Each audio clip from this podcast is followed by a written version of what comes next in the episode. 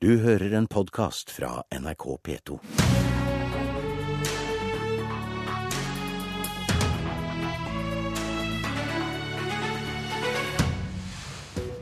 Kan det være fornuftig pengebruk å tilby borgerne gratis kollektivtransport? Eller kaster vi da bort penger vi kunne brukt på å forbedre tilbudet? Velkommen til Politisk kvarter. Arbeiderpartiet i Stavanger går til valg på gratis busstransport. Frp er ikke akkurat enig.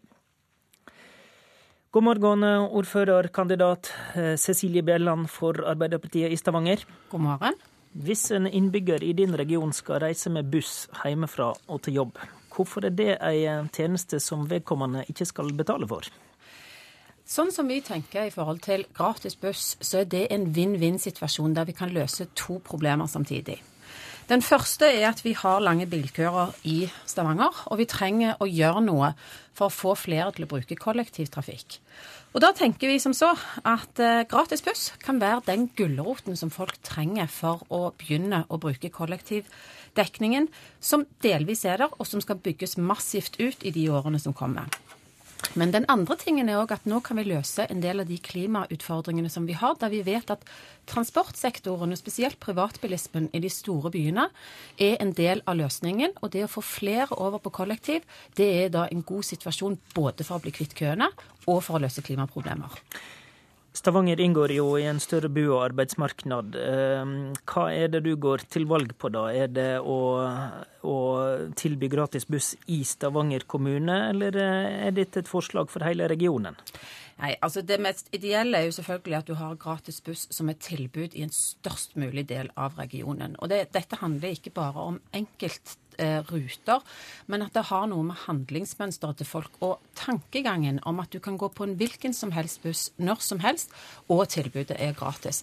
Og bare for å si det sånn, så ser vi det som med, med en gang at det måtte være et fellesprosjekt for kommunene Randaberg, for Sola, for Sandnes og for Stavanger, fordi at det er et såpass integrert bo- og arbeidsmarked at da kan alle ha den muligheten til å bruke kollektivtrafikk for å komme seg til og fra arbeid eller til og fra hjemmet sitt. Det høres jo ut som et uh, fint tilbud for en busskunde, men det hørtes jammen ikke billig ut. Hva vil det her koste, da? Vi har regnet på det, Basert på de tallene vi har fra 2014, så ser det ut til at dette kan være noe som koster rundt 200 millioner kroner. Og jeg er helt enig. Det er slett ikke rimelig på noen som helst måte. Men vi har sammenlignet med en del andre byer som har prøvd akkurat dette prosjektet. Det mest interessante er kanskje Tallinn, en by i Estland på nærmere en halv million innbyggere, som innførte gratis kollektivtrafikk i 2013. Og deres tilbakemelding er at dette har vært en positiv situasjon. For det første så har de hatt netto tilflytning til Tallinn, bl.a. fordi at de har et godt kollektivtilbud. Men samfunnsøkonomisk så går de pluss på å gjøre dette. God morgen, Terje Halleland.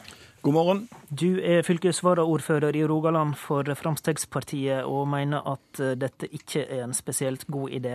Men eh, sammenlikningene mellom storbyene har jo vist at Stavanger-regionen har en kritisk lav kollektivandel sammenlignet med andre byer. Er ikke det på tide å gjøre noe med det? Jo, det er absolutt på tide å gjøre noe med, og det jobber vi med egentlig hele tida. Det som jeg er kritiske til med det som Arbeiderpartiet kommer med, er i grunnen ikke målsettingen, for den tror jeg vi er enige om at vi ønsker at flere skal ta bussen. Men her vi har en begrensa pott med penger, og da må vi inn og prioritere. Og det har ikke vært, Dette er ikke noe sånn prissensitiv vare. Og, og det som vi har fått tydelige tilbakemeldinger på Hva, men, hva mener du med prissensitiv vare her? Ja, det, det, er ikke prisen som er det avgjørende for at vi har det lave tallet som vi har i, i regionen. Folk tar bussen uansett om den er gratis eller koster litt? Ja, altså det er ikke det som er, er det avgjørende. Det som vi jobber for å få til, det er at bussen må gå når han skal, og at han går ofte, og at han kommer frem i rett tid. Og, og, har vi penger til overs til å prioritere på, på, kollektiv, så er det disse områdene vi kommer til å prioritere. Når det gjelder pris, så har vi et veldig godt uh, tilbud på, på månedskorter, uh, som, som, er veldig godt brukt. Og Den gruppa som vi prøver å best ivareta prismessig, det er ungdommene. Og de har uh, tilgang til et, et billig ungdomskort. Hva mener du er konsekvensen av Ap sitt forslag, da? Nei, altså vi har et uh, Tilbudet som vi har i regionen, koster 550 millioner. Og av disse så er ca. 50% billettinntekter. Og, og, og, hvis vi mister 280 millioner kroner i billettinntekter, så er det så store summer at eh, skal vi kunne prioritere den summen, så må vi enten slakke på kvaliteten, eller så må vi redusere tjenestetilbudet på, på andre områder i, eh, i fylket. Bjelland, du kan ødelegge kvaliteten på tilbudet med å gjøre dette gratis. Jeg syns det er litt interessant at Fremskrittspartiet sier at vi har en begrenset pott med penger. Dette er det samme partiet som stemte mot den bompakken som nå var vedtatt i 2014 på 21 milliarder kroner for å finansiere kollektivutbyggingen i denne regionen. Da var det ingen begrensning i det hele tatt for penger for Frp. Da var tvert imot det Frp hevdet, var at fylkestinget forutsetter at Bypakken Nord-Jæren finansieres over statsbudsjettet. Så dette handler jo egentlig om prioritering. Dette handler ikke om at vi har en begrenset pott med penger, men det handler om hvordan vi ønsker å bruke de pengene vi har, til kollektiv og til vei og til samferdsel. Og for Arbeiderpartiet så handler dette òg om at det må være et spleiselag. Selvsagt så trenger vi at staten er med, men istedenfor at vi ønsker å bruke 21 milliarder kroner på eh, at vi ikke skal ha eh, bompengefinansiering, så ønsker vi å bruke dette spredt på flere forskjellige måter. Eh, jeg er veldig glad for at Arbeiderpartiet i sitt alternative budsjett for 2015 la inn bl.a. 1 milliard kroner til de fire største byene. Eh, til kollektivtiltak. Da, da, snakker du om statsbudsjettet, som, som dere to ikke, ikke rår over. sant? Men, men la oss ta det bompengepoenget ditt. Eh, da, Halleland, eh, hvis dere vil bruke mye penger på å fjerne bompenger, kan ikke du få like god samfunnseffekt av å tenke at, at busspassasjerene skal få slippe sine bompenger i hermetegn? Ja, altså Nå snakker vi om kostnader knyttet til drift av kollektivtrafikken.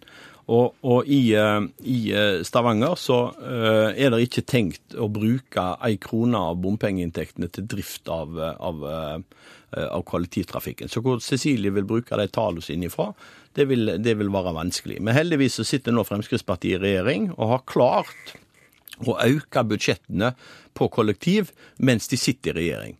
Jeg får med meg at Arbeiderpartiet prioriterer kollektivtrafikk, men det gjør de dessverre når de kommer ut av regjering, og ikke mens de sitter der. Og Belønningsordningen som nå kommer til, til Stavanger, har, eh, har den eh, sittende regjeringa økt eh, for Stavanger sitt vedkommende fra 60 millioner til 100 millioner. Som, som er penger som vi klarer å bruke til å forbedre vårt tilbud som, som går på å, å, få bussen til å gå når han skal gå. At han går ofte, og at han kommer fram i rett tid. Og Dere to partier er jo egentlig enige om å bygge det som heter Bussvei 2020, som en kanskje kan kalle Stavanger-regionens bybane, der en skal lage egne traseer for bussene. Eh, mener du det, vil bli, det tilbudet vil bli berørt hvis en skal bruke masse penger på gratis buss? da? Ja, altså, det, det, er jo akkurat det eh, tilbudet som vi ser på som må til. Altså, eh, det er fremkommelighet som, som, er det viktigste eh, til, eh, tiltaket vi kan gjøre for oss å få opp bruken av, av kollektiv. Eh, og, det med, Får vi etablert Bussveien, så får vi en, eh, en, en buss som, som, går i, uavhengig av flyten i den øvrige trafikken. Og Det tror jeg er det som skal til for at vi skal få et økt passasjerantall. I dag så sitter bussen i den samme køen som bilene, og, og, og fører til at da sitter folk like komfortable i egen bil, selv om det er mye dyrere å kjøre egen bil enn å sitte i en buss. Hvis det er lov til å, bryte inn akkurat her, så vil jeg jo si at det er jo ingen som er uenig om at dette må være eh, begge deler. Det handler både om at vi må ha tilgjengelighet, vi må ha økt frekvens, vi må rett og slett ha bussene raskere fram, og det er det vi har startet på. Arbeiderpartiet skar igjennom den bybanedebatten som var i Stavanger, og nå har vi startet byggingen av langt flere kollektivfelt. Men, Men vi snakker om hvordan vi skal få brukt dette tilbudet. I dag har vi en dekning på ca. 10% som bruker kollektiv i vår region. Og 30% av utnyttelsesgraden brukes på bussene. Det betyr at 70% av setene som i dag er på bussene, de er tomme. Vi har altså en masse ledig kapasitet, og da handler det om en holdningsendring. Det å få folk til å tenke annerledes. Og da må vi ha ned terskelen for at folk skal begynne å bruke kollektivt. Bjelland, Bjelland, når noe blir gratis, så har jo folk en tendens til å bruke det mer. Men betyr det at du ikke eh, tror det vil være behov for enda mer, og at dette kan bli enda dyrere når det plutselig er gratis? Da. Jeg tror det viktigste vi gjør nå, det er at vi ser eh, kollektiv både i sammenheng med drift og eh, utbygging. Til nå så har det vært en sånn tendens om at vi skal bygge nye veier, vi skal bygge nye kollektivfelt. Og så ser vi i neste omgang på en helt annen pott på hvordan vi skal drifte dette. Det handler om at vi må ha bussene på vei når folk trenger det. Når folk skal fram og tilbake til jobb, da må bussene gå rett i nærheten av der de er. Og så må det òg være enkelt å ha avstigningene på og av. Og kanskje vi får en kjempesuksess med å innføre et sånt et prosjekt som dette. Og jeg har lyst til å vise til at Fornebu har nettopp hatt en utredning på hvordan kan trafikkflyten bli bedre på Fornebu. Og et av de tiltakene som der ble foreslått av eh, Accenture og Transnova, det var nettopp det å innføre gratis buss i en begrenset periode. Ja, det er, det, er, det er, to ting vi kan gjøre her. og Jeg syns det er merkelig av Arbeiderpartiet som kommer og sier at det er innbyggerne sin holdning det som er problemene. Vi har det er fremkommelighet og frekvens. Det er det vi må bruke eh, og prioritere pengene våre på. Da er jeg sikker på at passasjertallet òg skal øke. Eh, den undersøkelsen som eh, Bjelland viser til i Tallinn, der de innførte gratis buss, så var det sikkert en god effekt, men passasjertallet økte kun med 3 og Hvis vi skal legge til grunn at eh, omtrent det samme skal skje i Stavanger, eventuelt en dobling i forhold til det, så er det veldig mye, mange millioner kroner per passasjer hvis vi skal, hvis vi skal ta ut de samme tallene. Vi får avslutte der i Estland. Takk til Terje Halleland og Cecilie Bjelland.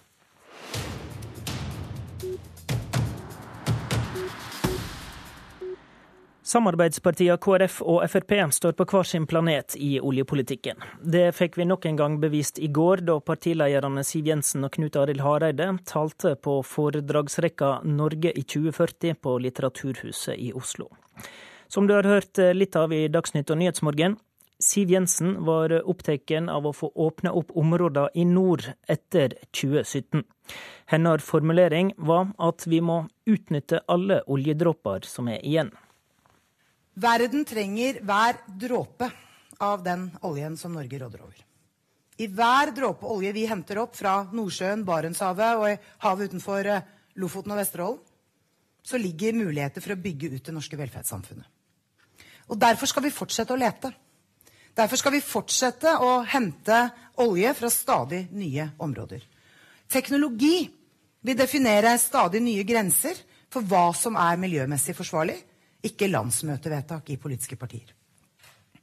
Derfor er ikke grensen satt for langt nord, eller for langt ned, eller eh, for nært land i forhold til hva vi faktisk har muligheten til å hente opp. Politiske signaler om at oljeforekomster på norsk sokkel nå må bli liggende, gir helt feil beskjed til en næring som skaper milliardverdier for Norge. Og norsk petroleumsnæring er miljø- og ansvarsbevisst. I valget mellom å stole på Eldar Setre eller Rasmus Hansson, så er i hvert fall ikke jeg i tvil om hvem som vet mest om hvor trygg oljenæringen faktisk er. Og vi skal altså være stolte av hva denne næringen har utrettet. Rasmus Hansson var der ikke for å gi replikk, men KrFs partileder Knut Arild Hareide holdt foredraget en dryg time senere, og greip ballen da med et helt annet bilde av hvor viktig oljenæringa er for Norge. For å si sånn Olje- og gassnæringa står ikke for mer enn 7% av Norges nasjonalformue. Verdien av nordmenns nåværende og framtidig arbeidsinnsats er hele 82% av vår nasjonalformue. Og Her ligger òg årsaken til den positive utviklingen i norsk økonomi siden 1970-tallet. Og der Siv Jensen var opptatt av å si at vi trenger hver norske dråpe olje, så var Hareides perspektiv et helt annet. Så har vi global oppvarming. Heldigvis er det stadig mer kunnskap om og kjennskap til denne utfordringen. Og Snart er det vel bare hun som var her for et par timer siden, som tviler på om det menneskeskapt oppvarming egentlig eksisterer. Men selv om ikke hun hører på mitt foredrag nå, så har jeg lyst bare å minne om noen hovedpoeng. Det fins jo de som fornekter klimaendringer fordi det var litt kaldt i sommer. Det blir litt som å si at ikke du tror det fins sult i verden fordi du nettopp har spist. Ja, Det sa Knut Arild Hareide på Litteraturhuset i går. Husk at du kan laste ned Politisk kvarter som podkast. Har du tips til oss, eller vil du sjøl bli utspurt når Politisk kvarter møter publikum under Arendalsuka torsdag og fredag, så sender du en e-post til oss på adressa politikkalfakrøll.nrk.no. I studio i dag, Håvard Grønli.